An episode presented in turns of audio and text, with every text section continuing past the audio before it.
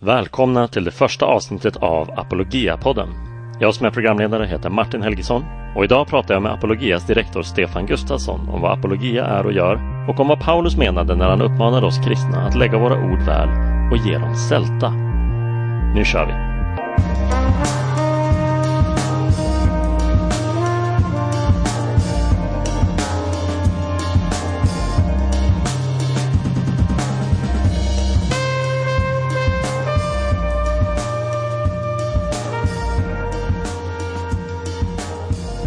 Då är vi tillbaka i en studio tillsammans, Stefan. Ja, det är vi och denna gång i en riktig studio med värderade väggar och dålig luft. Fantastiskt, fantastiskt. Det är underbart. Det här är både en efterlängtad återkomst och en världspremiär på samma gång. För eh, er som är bekanta med oss sedan tidigare så känner ni kanske till podden Samtid och sanning som jag och Stefan gjorde under några år tillsammans där vi pratade om dagsaktuella frågor och eh, om arbetet på Credoakademin och så småningom Apologia. Men eh, det gör vi inte längre. Det här är någonting helt, helt annat. Detta är radikalt nytt och vi vet att det är många som har längtat efter denna premiär. Det har varit roligt att höra så många fråga när kommer podden? Precis, och nu är den här Apologia-podden. Så det här är någonting nytt, inte bara mer av samma.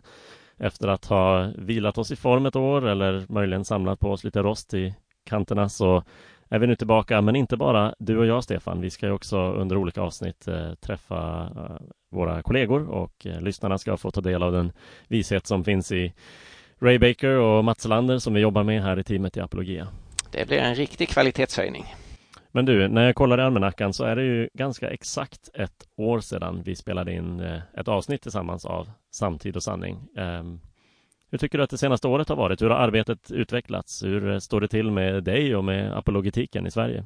Åh, oh, tackar som frågar. Det står bra till med mig och det står väldigt bra till med apologetiken i Sverige jämfört med hur det såg ut för ett antal år sedan. Så vi ser ju på många håll ett, eh, ett snabbt växande intresse och ganska många nya initiativ. Alldeles nyligen har det varit en, eh, en debatt i tidningen Dagen om apologetik och apologetik för barn. Och vi ser att det här samtalet förs på många ställen. Och vi märker det ju i Apologia. Vi får allt fler förfrågningar att komma till församlingar och ha eh, undervisning för församlingen, ha undervisning för ungdomar, ha eh, utbildningsdagar för eh, anställda, bibelskolor över hela Sverige. Önskar få in apologetiken inte bara som en enskild gästföreläsning utan också arbeta in det mer i, eh, i sitt program. Så det händer många och roliga saker. Mm. Precis, ja, så det är lite vad du har haft för dig. Är det något särskilt som har hänt de senaste veckorna som, eh, som eh, du vill dela med dig av till lyssnarna som du har gjort? Ja, det, det har varit lite, lite olika saker. Det är det spännande med en sån här kallelse att man hamnar i många olika sorters situationer. Jag var på en ganska stor missionskonferens Eh, utanför eh, Frankfurt i Tyskland. Och jag trodde att det skulle vara en, eh, en mycket blandad skara människor där. Jag hade fått information att jag skulle tala på en internationell missionskonferens med 400 församlingsledare och missionsledare från hela Europa. Men det visade sig att det var 400 filippinare. Jaha, där ser man. Vad gjorde de i Tyskland? Det finns ju väldigt många människor från eh, eh, Filippinerna som, eh, som bor och arbetar utöver världen och som bor i, i, i, Europa. Och det här var en missionsorganisation som riktar sig speciellt till eh, människor från Filippinerna som lever i förskingringen i, förskingringen i Europa. Och eh, de har ett väldigt framgångsrikt arbete och startar församlingar, eh, framförallt riktade till filippinare. Eh, sen har jag gjort eh, eh flera församlingsbesök, eh, flera besök på bibelskolor eh, redan, så det har varit fullt upp trots att det bara är lite in i september. Ja, det brukar ju vara så när det gäller dig Stefan, att det alltid är fullt upp och mycket att göra. Och själv då? Martin, färdigutbildad från USA, tillbaka i Sverige. Hur ser apologelivet ut? Ja, nej, men jag har väl försökt att inte direkt ligga på latsidan jag heller, även om det är svårt att, att tävla med vissa av mina kollegor. Men eh, jag har fått lov att ta examen, ja, som, eh, som du nämnde och antydde och det är ju eh, väldigt, väldigt roligt. Ja, jag får gratulera. Man tackar, man tackar. Jag väntar på ett papper som ska komma i posten när som helst som intygar det, men det finns bilder där ute på mig i fyrkantig hatt och annat som eh, intygar att det verkligen har hänt på riktigt. Eh, och det är ju naturligtvis en epok som har gått till sitt slut som jag kommer se tillbaka på och, sakna men det är också en tillfredsställelse i att det är avslutat och få lov att börja en höst utan att ha deadlines av den formen som hänger över mig och långa listor med böcker som jag måste läsa och uppgifter som ska in och nu får jag lov att fokusera på lite färre saker så det är skönt. Och en av de sakerna jag fokuserar på i apologia är ju våra distanskurser. Vi är mm. inne på tredje terminen med dem nu Eh, vi har två olika kurser i dagsläget. Eh, Förklara och försvara som är vår introduktionskurs till apologetik där vi har plockat lite russin ifrån den apologetiska kakan kan man säga. Några av de sådär riktigt nyckelfrågorna om Guds existens, om den historiska Jesus och uppståndelsen och det ondas problem och så vidare. Eh, så där får jag lov att jobba med ungefär 30 studenter i den kursen i nuläget. Eh, många av föreläsningarna är ju dina Stefan, och en är min och några är med våra andra kollegor. Och sen så får jag lov att eh, hjälpa studenterna att eh, ta, sig, ta sig igenom kursens innehåll och ta till sig det och lära sig och det och reflektera över det och inte minst då ge feedback på deras olika typer av uppgifter och, och diskutera innehållet med dem. Så det är väldigt roligt. Vi har ju lite drygt tio studenter också på en kurs med eh, om vetenskap och tro som heter Vänner eller fiender eh, som framförallt Mats eh, driver och som han kan prata mer om i ett annat avsnitt. Men, men att hålla på att administrera de här och lägga upp rätt innehåll och, och ha kontakt med studenter är ju en stor del av tiden och sen så får jag lov att, att resa emellanåt jag också och ha föredrag och, och göra lite annat smått och gott. Så det är kul. Väldigt viktigt arbete och det är ju en av eh, de saker som är nya i Apologia som är väldigt framgångsrika, alltså våra distansutbildningar. Eh, de här två som redan är färdiga och du och jag är mitt i processen att eh, bygga upp en tredje distansutbildning. Ja, det ser vi verkligen fram emot. I starten av 2020 eh, så kommer vi då lansera vår tredje distanskurs och den kommer handla om Bibeln och den kommer vara till stor hjälp för människor som kanske känner att man är mer bekant med enstaka bibelberättelser än man är med den stora liksom, um, röda tråden som löper genom hela Bibeln, den stora frälsningshistorien och eh, det är ju en historia som inte bara utspelar sig på Bibelns sidor utan som är en historia eh, vi lever i, världens historia. Och att lära sig att, eh, att läsa den på ett bra sätt och, och, se sammanhangen och sen att få hjälp att eh, tänka igenom och brottas med en del av de svåra utmaningarna mot Bibeln och så både från eh, teologiskt håll men också från vår kultur och samtidshåll. Eh, det ska ju du och jag försöka hjälpa eh, våra studenter med framöver.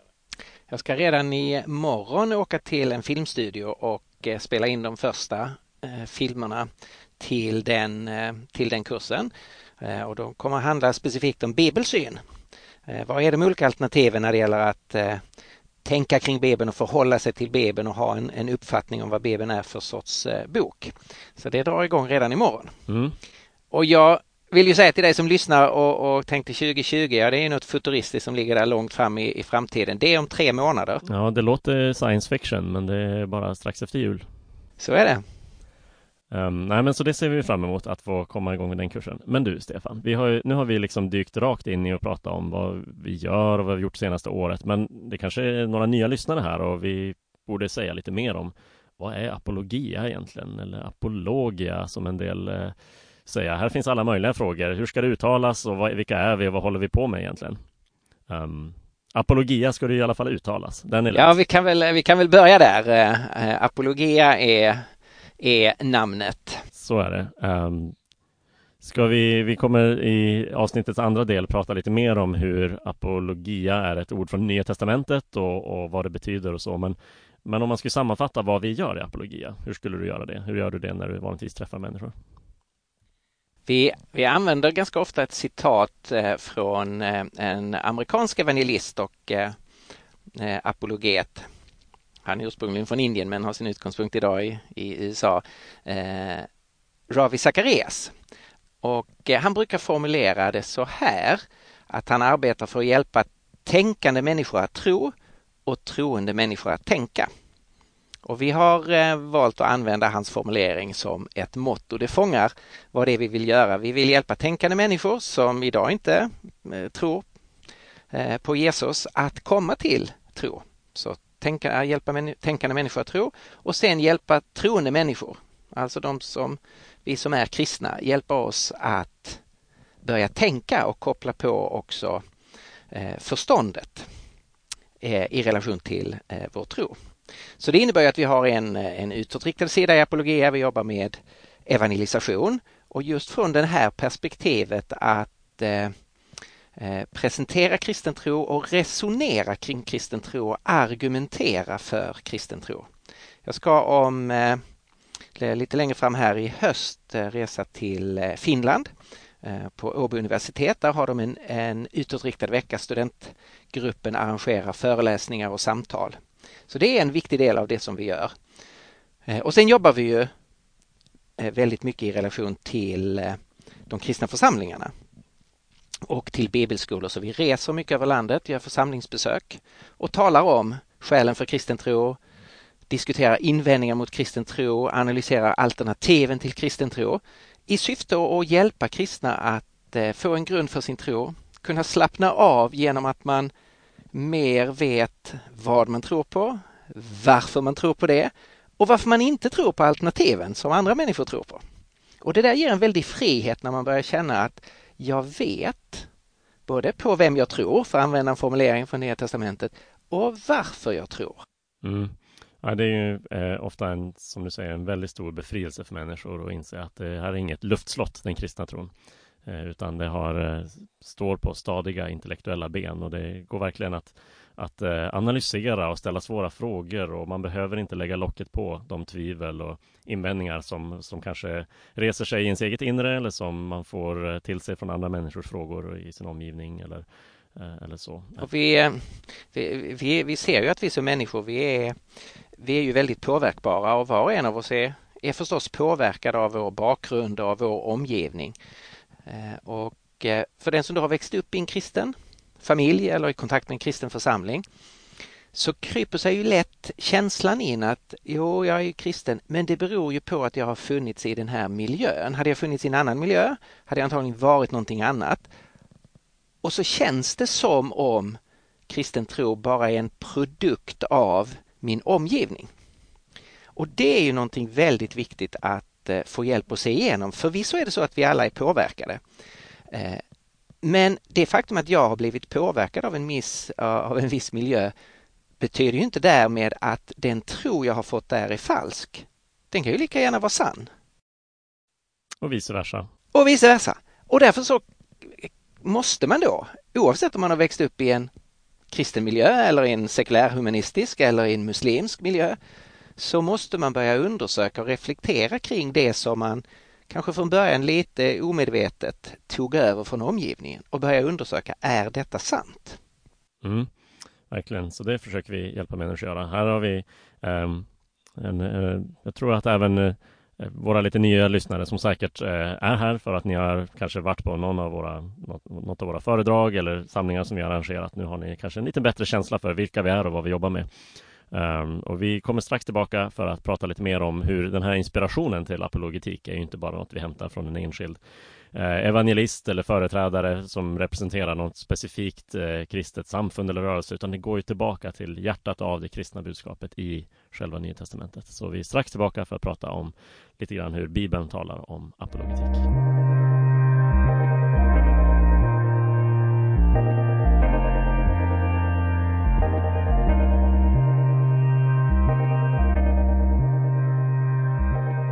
Ja, vi ska prata lite grann om varför vi heter apologia och på vilket sätt apologetik är en del av, av Nya Testamentet och Nya Testamentets attityd till sitt eget huvudbudskap. Apologia är ett grekiskt ord. Det finns med i den grekiska grundtexten till Nya Testamentet på eh, 20 ställen ungefär. Mm, 18 stycken. 18 stycken ställen.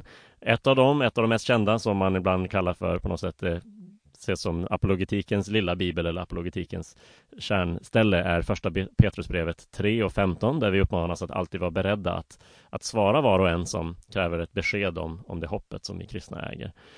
Men det är inte bara ett enskilt ord eh, som finns i Nya Testamentet som inspirerar till apologetik utan det har att göra med förhållningssättet till sanningen och till det budskap om Jesus som eh, är centrum i den kristna tron. Och vi tänkte ju Stefan att vi skulle tillsammans prata lite grann om eh, två verser, eh, framförallt ifrån Kolosserbrevet 4.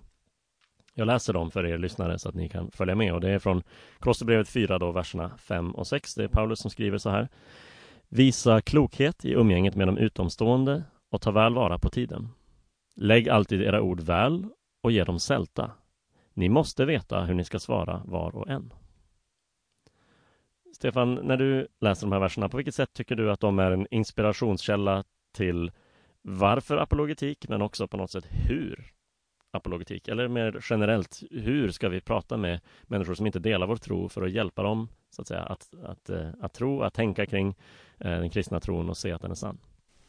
Ja, det här är, det är ett av de eh, ställen som jag ofta återvänder till just nu och Eh, reflekterar, tänker, tänker mycket kring. Jag tycker det är sånt, ett sånt eh, härligt ställe eh, från Paulus. Och det första som slår mig det är ju att Paulus tar för givet att den kristne inte ska isolera sig, att den kristna församlingen inte ska vara en sekt eller en grupp som har byggt väldigt höga murar. Utan Paulus utgår ju från att vi ska ha relationer med de utomstående. Visa klokhet i umgänget med de som inte delar er tro på Jesus och som inte är med i församlingen. Så det är bara en självklarhet att den kristne umgås med den som inte är kristen. Men då också tänker igenom eh, den relationen och hur man bygger bra relationer med eh, och umgås på ett bra sätt med människor som inte delar vår tro. Ja, eh, alltså mellan vår tid och Nya Testamentets tid finns det ju långa sjok av historia där kristen tro har varit en majoritetsuppfattning. Uh, och där det här kanske man inte har diskuterat så mycket hur man ska göra det här. Men det är ju så uppfriskande när man går till Nya Testamentet och inser att det är skrivet till människor som liksom vi eh, som lever i Sverige och i västvärlden generellt är en kristen minoritetsrörelse. Uh, och då är det självklart att vi har nära relationer och också kanske mera ytliga kontakter med grannar, kollegor och vänner och så, men ändå eh, ska bygga genuina relationer med utomstående och, och, och ha det som en kontext till att dela tron. Och sen talar då Paulus om eh, hur vi kan dela tron. Och eh, han säger tre, tre saker väldigt kort, väldigt koncist. Lägg alltid era ord väl. På grekiska så det ordet som är översatt med väl här är det grekiska ordet för nåd. Ja, det syns inte i den svenska översättningen så tydligt. Nej, det syns inte. Eh, andra översättningar eh, lyfter fram det Engelska översättningar kan tala om eh, gracious, alltså att det ska finnas en nåd i vårt sätt att tala. Bo Giertz översätter det med vänlighet. Och jag tror det är en viktig aspekt. Den kristna tron ska formuleras med ord. Lägg alltid era ord väl. Så det funkar inte att bara kommunicera med sitt liv därför att ens liv behöver också tolkas med hjälp av ens ord. Men då måste orden också vara i överensstämmelse med det som är vårt budskap. Och vi har ett väldigt gott budskap om nåd, om kärlek ifrån Gud. Ja, precis. Och det, det ekar så ihåligt ifall det budskapet kommuniceras med ett, ett, på ett medium med ett sätt som, som verkligen skär sig med det. Men det här uttrycket att ge dem eh, orden sälta då? Är det liksom eh, någon slags eh, balans som en motvikt till nåd, vänlighet, varmhärtighet. Så det ska, det ska vara lite vänligt men ska också ha en udd. För det är ofta så man har hört det förklaras, eller hur? Ja, och det kan ju ha den betydelsen. Ge er ord sälta, säger eh, Paulus. Salt, det använder man ju för att förhindra förruttnelse. Och man kan tänka sig att det här är en uppmaning för, till kristna att vara lite tuffa, lite utmanande, att våga säga något spetsigt, att vara lite salta. Men det kan faktiskt också betyda någonting annat. Salt har man ju genom historien använt för att göra maten mer smaklig, mer välsmakande och mer attraktiv. Alltså salt inte bara har den här eh, funktionen av att förhindra förruttnelse utan också av att göra någonting mer välbehagligt. Det finns ett, ett litet roligt ord ifrån eh, Gamla Testamentet i Jobs bok kapitel 6, vers 6 så står det Men vem kan ha det fadda men vem kan äta det fadda utan salt? Och där har ju då saltet funktionen av att göra maten eh, god. Och det är visa matlagningstips ifrån Jobs bok här. Ja, just det. Så eh, jag tror inte man ska spela ut de här två sakerna eh, mot varandra. Våra ord kan ha båda dimensionerna av att vara lite tuffa ord när det, eh, när det är relevant. Men det kan också faktiskt vara en kallelse att göra det kristna budskapet attraktivt. Det betyder inte att förändra det, men att vi i vår kommunikation eh, hjälper människor att se eh, det attraktiva i budskapet. En, eh, en översättning, eller det är en parafras, en engelsk, eh, en engelsk parafras av det här stället säger Let your conversation be gracious and attractive.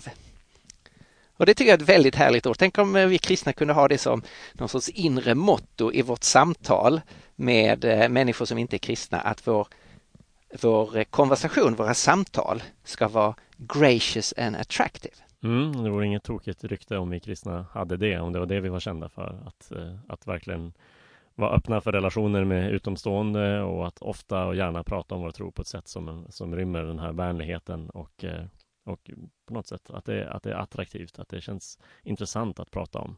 Eh, för det är det ju. De stora frågorna i livet som alla människor svarar på oavsett vilken livsåskådning eller världsbild man rör sig är ju några av de mest intressanta frågorna vi kan tänka på överhuvudtaget. Och det kristna budskapet betecknas ju som eh, evangelium och det är ju av en anledning. Det är goda nyheter. Så det här det passar ju väldigt väl in att tala om, eh, om eh, det attraktiva. Därför att det är goda nyheter, det som Gud har gjort för oss i Jesus Kristus. Och den tredje saken som gäller våra ord, alltså det är då att eh, lägga våra ord väl Eh, att ge dem sälta och så var det den tredje. Ni måste veta hur ni ska svara var och en. Där står då inte det grekiska ordet apologia, det står ett eh, annat vanligt ord för att svara. Eh, och det Paulus lyfter fram är att den, den kristne eh, behöver lära sig att ha någonting relevant att säga när det gäller människor som frågar om vår tro.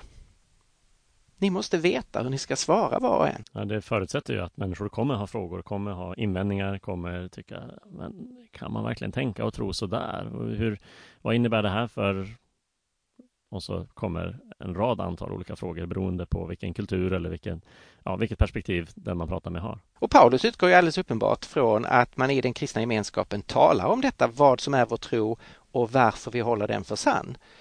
Och han räknar med att den kristne Eh, ska kunna ge svar.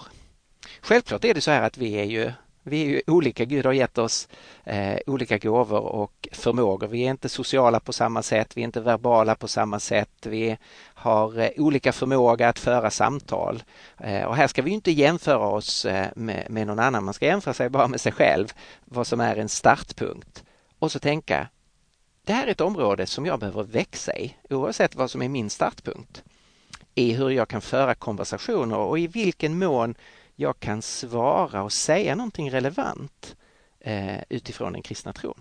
Absolut, man får utgå från både sig själv och vad man, eh, hur man själv kan växa i, i, kunskap och på något sätt kompetens eller skicklighet att göra det här. Men som Paulus också betonar då att det är var och en, så man behöver ju lära känna människorna i sin omgivning. För mm. Det hjälper inte om man bara lär sig svar på frågor i böcker och man lever runt människor som har helt andra frågor. Så det kommer tillbaka till relationsaspekten av att leva nära människor och veta vilka frågor rör och engagerar den här personen och på vilka sätt kommer den här personen ha både ingångar och utmaningar för att närma sig den kristna tron.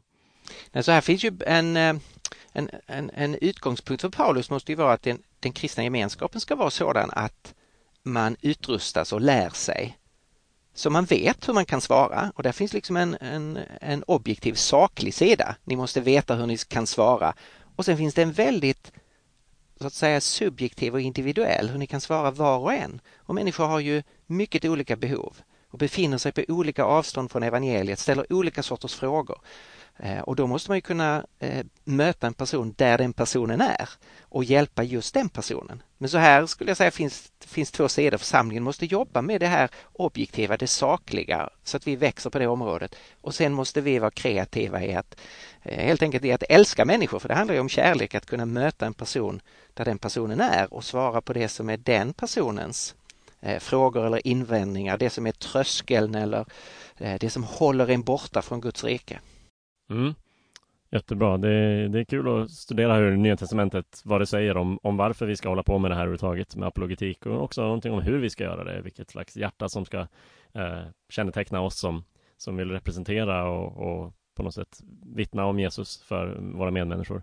Och eh, det är roligt att få finnas med i ett arbete där vi strävar efter att hela tiden utveckla vår förmåga i det här och vara en, en hjälp till hela kristenheten i Sverige. Det här är uppmaningar inte bara till en liten specialstyrka eh, utan till alla kristna att, att öva sig i den här beredskapen. Så det var någonting om hur eh, Nya Testamentet talar om apologetik.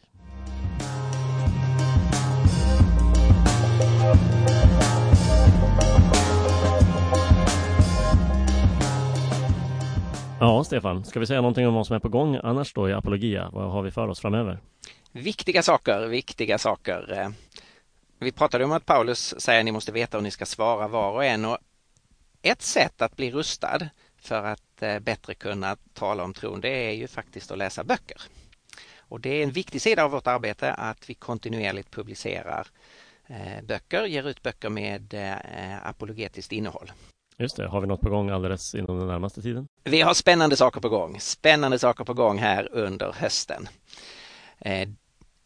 Jag skrev en bok 2006 som eh, heter Gör som Gud blir människa.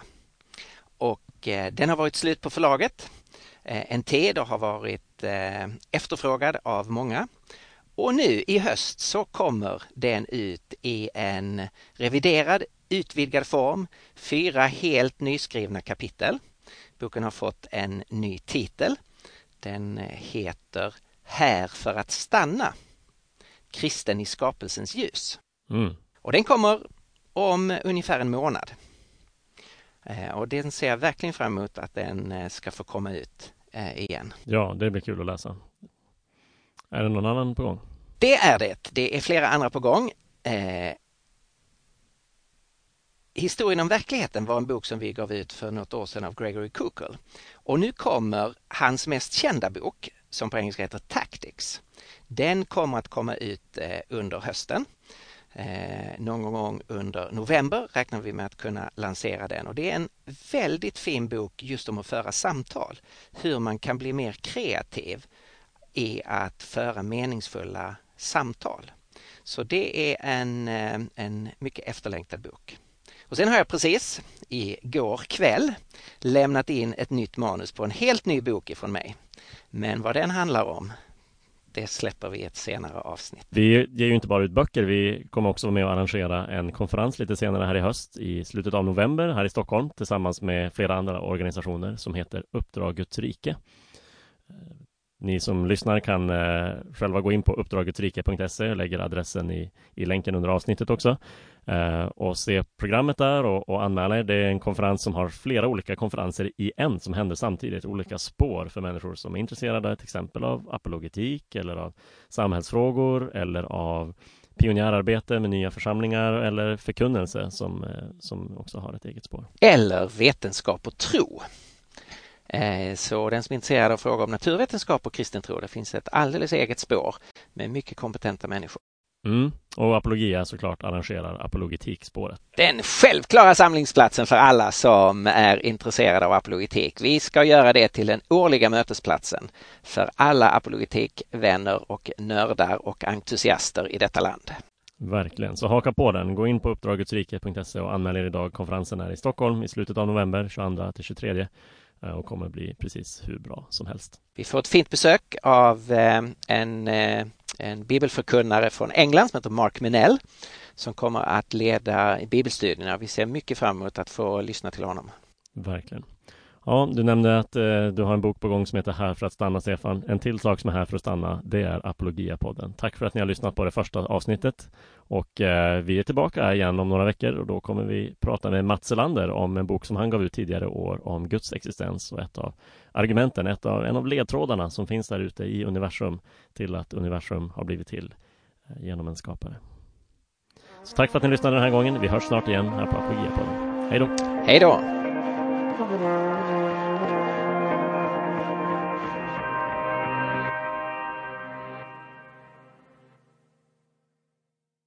Tack för att du har lyssnat på Apologia-podden.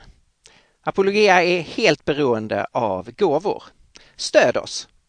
Gå in på apologia.se, klicka på Engagera dig så hittar du swishnummer och bankgiro. Tack för att du hjälper oss!